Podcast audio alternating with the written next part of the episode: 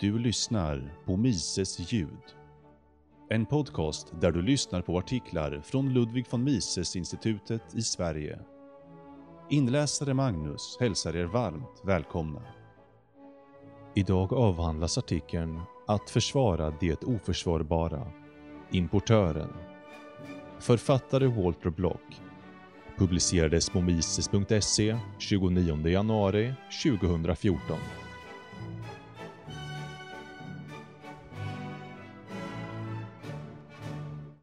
Den internationella fackföreningen för kvinnliga textilarbetare lanserade nyligen en ovanlig, omfattande och kostsam reklamkampanj. Den är både rasistisk och patriotisk. Temat för kampanjen är att utlänningar, oärliga och ovärdiga, tar jobben ifrån amerikaner, ärliga och rättfram. Den kanske mest kända annonsen i serien är den som skildrar en amerikansk flagga med rubriken ”Tillverkat i Japan”. En annan visar en baseballhandske med rubriken “Den stora icke-amerikanska sporten”. Den medföljande texten förklarar att baseballhandskar och amerikanska flaggor importeras från utlandet. Skälet till dessa hårda angrepp på importvaror är att de orsakar arbetslöshet i USA. Och vid första anblicken förefaller argumentet rimligt. Varje amerikansk flagga eller baseballhandske som kunde ha producerats inom landet, men istället importerades, representerar trots allt arbete som kunde ha utförts av amerikaner. Därmed innebär det att mindre arbete för amerikanska arbetare än vad som skulle kunna vara fallet. Om detta verkligen stämmer skulle fackföreningens argument för regleringar och importförbud vara vettigt. Argumentet är dock vilseledande och dess logiska konsekvenser är klart negativa. Den premiss som rättfärdigar protektionism på nationell nivå kan lika gärna rättfärdiga detta på delstatlig nivå. Vi kommer här ignorera det politiskt omöjliga i att en delstat upprättar tullar gentemot andra delstater. Det saknar trots allt betydelse för det ekonomiska argument som läggs fram av den frihandelsfientliga fackföreningen. Teoretiskt sett skulle vilken delstat som helst kunna rättfärdiga sin politik på exakt samma sätt som en nation gör. Till exempel skulle delstaten Montana kunna förbjuda importer från andra delstater på grund av att de utgör arbetstillfällen som en lokalinvånare kunde ha fått istället. En kampanj som uppmuntrade invånarna att köpa Montana-producerade varor skulle då tas fram. Detta skulle vara lika ologiskt och osunt som fackföreningens kampanj för att köpa amerikanskt. Argumentet stannar dock inte på delstatlig nivå. Det kan, med samma motivering, tillämpas på städer. Tänk till exempel att en baseballhandske importeras till staden Billings, Montana. Produktionen av denna vara hade kunnat skapa sysselsättning åt någon av stadens invånare, men så blev det inte. Istället skapade det arbete åt invånarna i, säg, Roundup, Montana, där handsken tillverkades.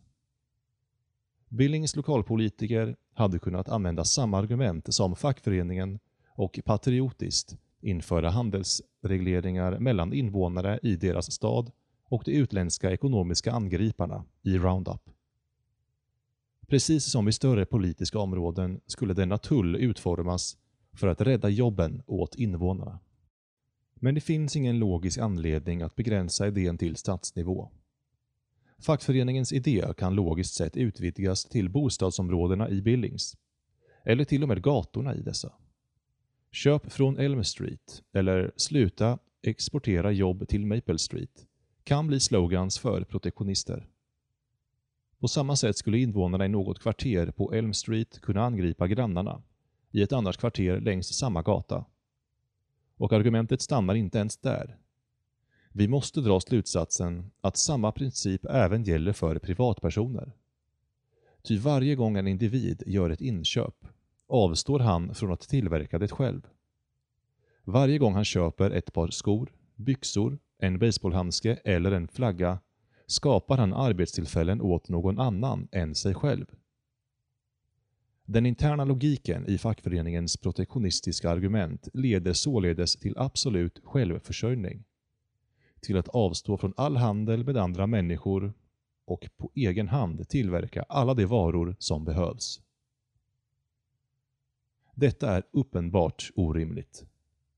Hela vår samhällsstruktur vilar på ömsesidigt stöd, samarbete och handel mellan människor. Att säga att vi bör upphöra med all handel är nonsens. Men ändå är detta den oundvikliga följden av protektionism.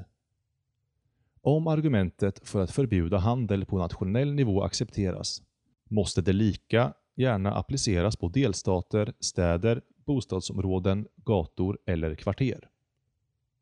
Den enda gränsen är individen, eftersom denna är den minsta möjliga enheten i ekonomin. Argument som oundvikligen leder till absurda slutsatser är också absurda i sig. Således är det protektionistiska argumentet oerhört felaktigt, oavsett hur övertygande det låter vid första anblicken. Mer specifikt bygger argumentet på en missuppfattning kring frihandelns natur och funktion. Handeln är viktigare än både elden, hjulet och tummen för människans överlägsenhet gentemot djuren. Ty endast handel möjliggör specialisering och arbetsdelning. Människor konsumerar hundratusentals olika varor varje år. Om det inte vore för specialisering skulle varje person vara tvungen att tillverka dessa själv. Detta skulle vara en omöjlig uppgift. Människor skulle inte kunna producera tillräckligt med mat åt sig själva. Än mindre producera alla andra varor som de skulle behöva. Effektiv livsmedelsproduktion innebär produktion av många andra saker, bland annat kapitalvaror. Att producera dessa skulle kräva att varje person involverades i tillverkningen av alla de varor som idag fördelas över hela befolkningen. Det är förvisso sant att utan eld, hjulet och tummen skulle mänskligheten befinna sig i ett primitivt tillstånd. Men utan specialisering skulle det vara omöjligt för praktiskt taget alla att ens mata sig själva. Och de skulle därför riskera svält och död. Med specialisering kan varje person begränsa sina produktiva insatser till de områden som denna är bäst på. Men handel är det som håller systemet samman. Utan möjligheten till handel skulle folk samla på sig enorma mängder oanvändbara säkerhetsnålar, gem eller andra varor. Utan möjligheten till handel skulle incitamenten för specialisering och arbetsfördelning försvinna. Alla skulle tvingas tillbaka till livsfarlig självförsörjning. Ett annat viktigt skäl till att förkasta protektionism är att den inte tar exporten i beaktande. Det är sant att för varje amerikansk flagga eller baseballhandske som importeras till USA försvinner några inhemska arbetstillfällen. Men vad protektionisterna glömmer är att för varje jobb som försvinner i en inhemsk industri på grund av internationell konkurrens kan ett jobb vinnas i en exportindustri.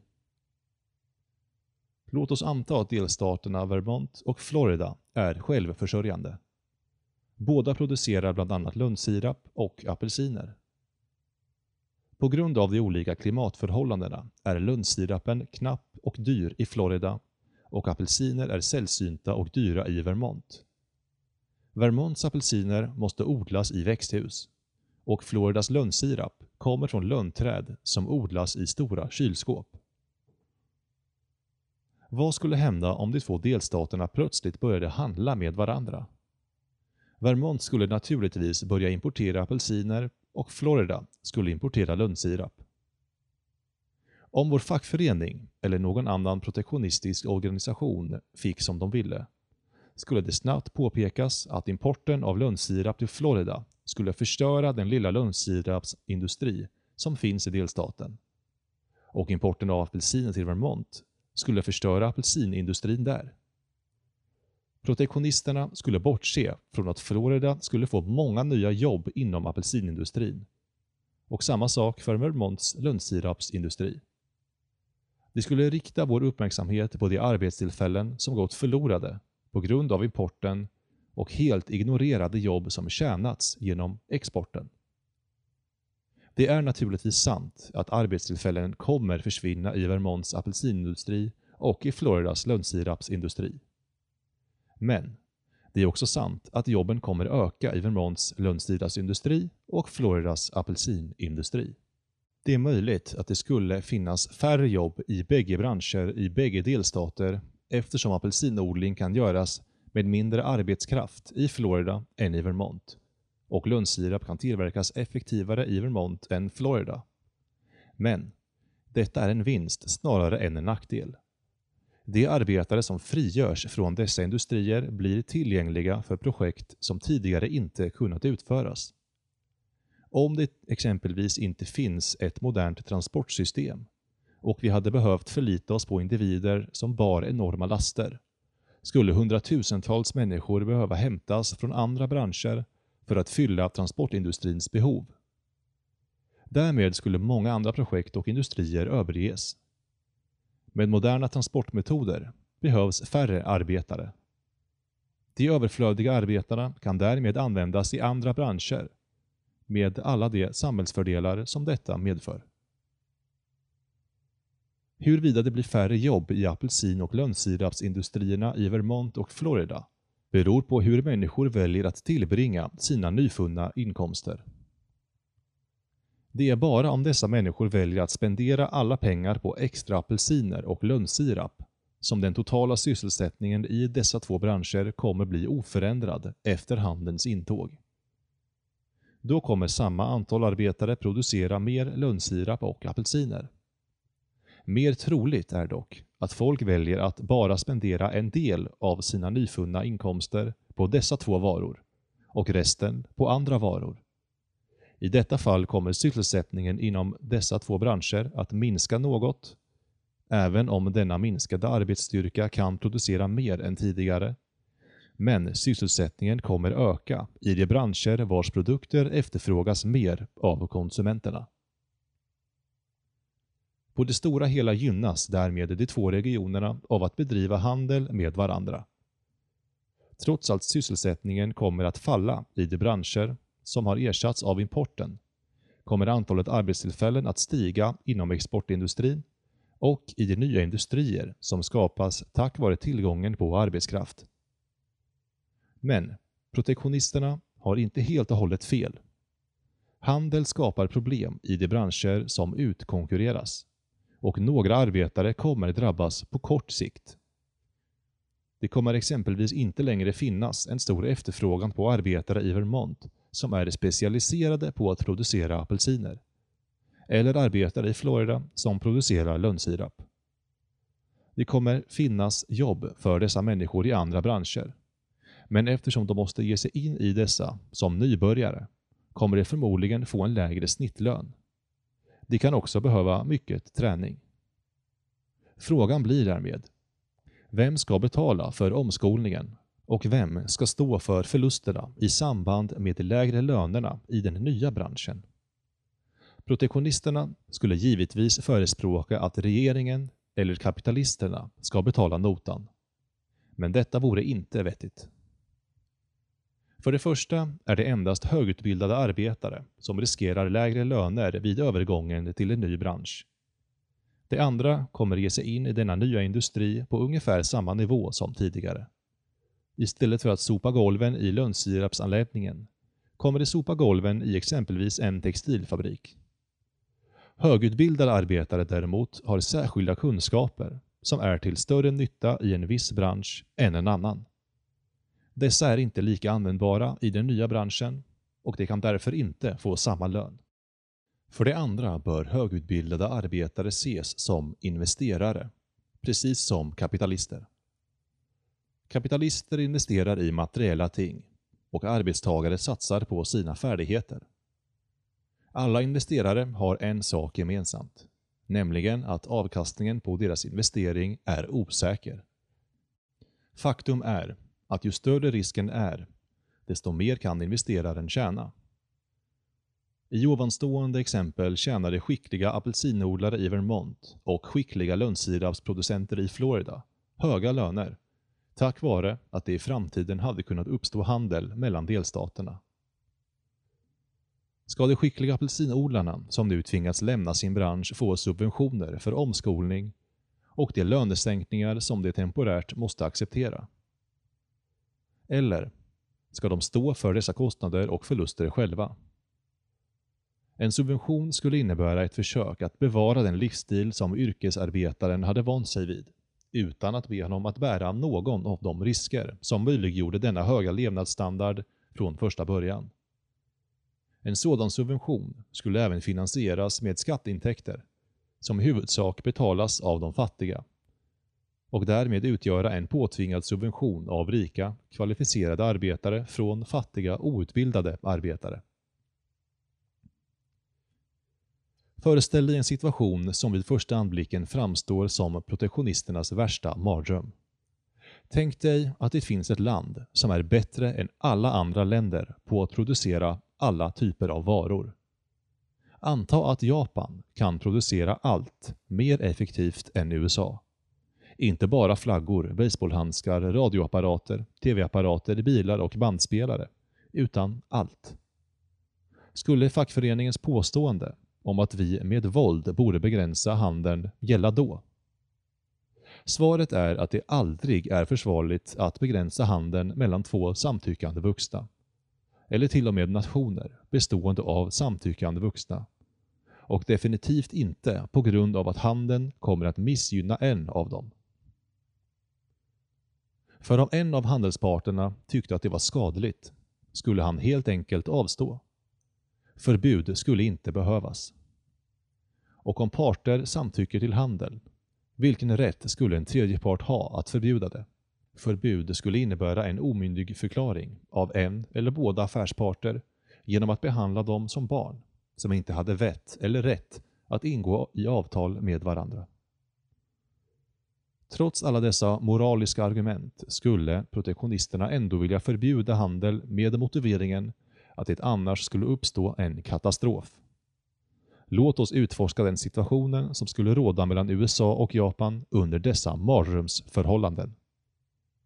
Japan skulle förmodligen exportera varor och tjänster utan att importera någonting från USA. Detta skulle bringa välstånd till den japanska industrin och depression åt den amerikanska. Så småningom skulle Japan tillgodose alla USAs behov och den amerikanska industrin skulle stanna av eftersom det inte skulle finnas någon export att uppväga det hela med. Arbetslösheten skulle stiga dramatiskt och det skulle uppstå ett komplett beroende av Japan. Detta scenario låter förmodligen absurt. Men den protektionistiska traditionen i USA och framgången för fackföreningens kampanj visar att sådana mardrömmar är vanligare än man kan tro. Kanske överlever dessa uppfattningar för att det är lättare att bli skrämd av dem än att konfrontera dem. I samband med att vi utforskar denna mardröm uppstår frågan vad amerikanerna ska använda för att köpa de japanska varorna med. De kan inte använda guld, eftersom guld i sig är en handelsvara. Om amerikanerna hade använt guld för att betala för importen skulle de i praktiken kunna exportera guld. Detta skulle motverka de förlorade arbetstillfällena som följer av importen och vi skulle åter vara tillbaka i dagens situation. Amerikanerna kan förlora jobb inom radio och tv-branschen, men få nya inom gruvindustrin. Den amerikanska ekonomin skulle likna Sydafrika, som betalar för mycket av sin import genom att exportera guld. Det enda alternativa betalningsmedlet skulle vara amerikanska dollar. Men vad skulle japanerna göra med en dollar? Det finns bara tre möjligheter. De kunde ge tillbaka dessa dollar till USA som betalning för exporten till dem. Eller behålla dollarna. Eller spenderar de på produkter från andra länder än USA. Om de valde det sista alternativet skulle de länder som de handlar med ha samma tre alternativ. Spendera pengar i USA, hamstra eller spendera dem i andra länder. Och så vidare för de länder som dessa nationer i sin tur handlade med. Om vi delar upp världen i två delar, USA och alla andra länder, kan vi se att de tre möjligheterna minskar till två. Antingen återvänder papperspengarna till USA i utbyte mot varor, eller så gör de inte det. Antag att det värsta alternativet inträffar, det vill säga att inga pengar kommer tillbaka för att stimulera USAs export. Detta hade inte inneburit den katastrof som protektionisterna varnar för. Det skulle snarare innebära en fördel. De pappersdollar som USA skickar utomlands skulle vara just papper. Värdelösa papper. Och USA skulle inte ens behöva slösa mycket papper. De kan helt enkelt trycka upp dollarsedlar med flera nollor på. Så i fackföreningens mardrömsscenario skulle Japan skicka sina varor till USA som bara skulle skicka gröna papperslappar med flera nollor på i utbyte. Det skulle vara en fantastisk gåva. Att andra länder vägrade spendera sina dollar skulle vara en stor fördel för USA. De skulle få produkterna och resten av världen skulle få värdelösa papper. I motsats till de fantasier som fackföreningen och andra protektionistiska grupper odlar så lider sällan personer som tar emot gåvor. Israel har fått skadestånd från Tyskland i många år och gåvor från USA utan några uppenbara skadliga effekter. Det mottagande landet behöver inte avbryta sin egen produktion, ty alla folk har oändliga behov. Om japanerna gav en Toyota-bil åt varje enskild amerikan skulle de snart vilja ha två, tre eller fyra Toyotas. Uppenbarligen är det otänkbart för japanerna att göra så pass stora självuppoffringar att de lyckas mätta det amerikanska folkets alla önskemål utan någon som helst ersättning. Men bara om de lyckas med denna omöjliga uppgift skulle den amerikanska industrin kollapsa. Ty då skulle alla ha allt de ville. Men i denna fantasivärld skulle den inhemska industrins kollaps vara något positivt snarare än negativt. Människor i USA skulle bara upphöra med all produktion om de kände att de har och kommer ha tillräckligt med materiella ägodelar för all framtid. En sådan situation är inte bara positiv. Den skulle i det närmaste vara en utopi. I verkligheten skulle förstås japanerna och de andra inte nöja sig med att bara stapla de dollar som amerikanerna gav dem som betalning för deras produkter.